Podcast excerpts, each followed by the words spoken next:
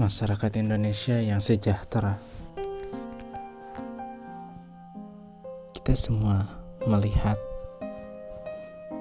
melihat dengan jelas tidak semua masyarakat Indonesia bercukup, berkecukupan. Tidak semua masyarakat Indonesia mampu secara ekonomi.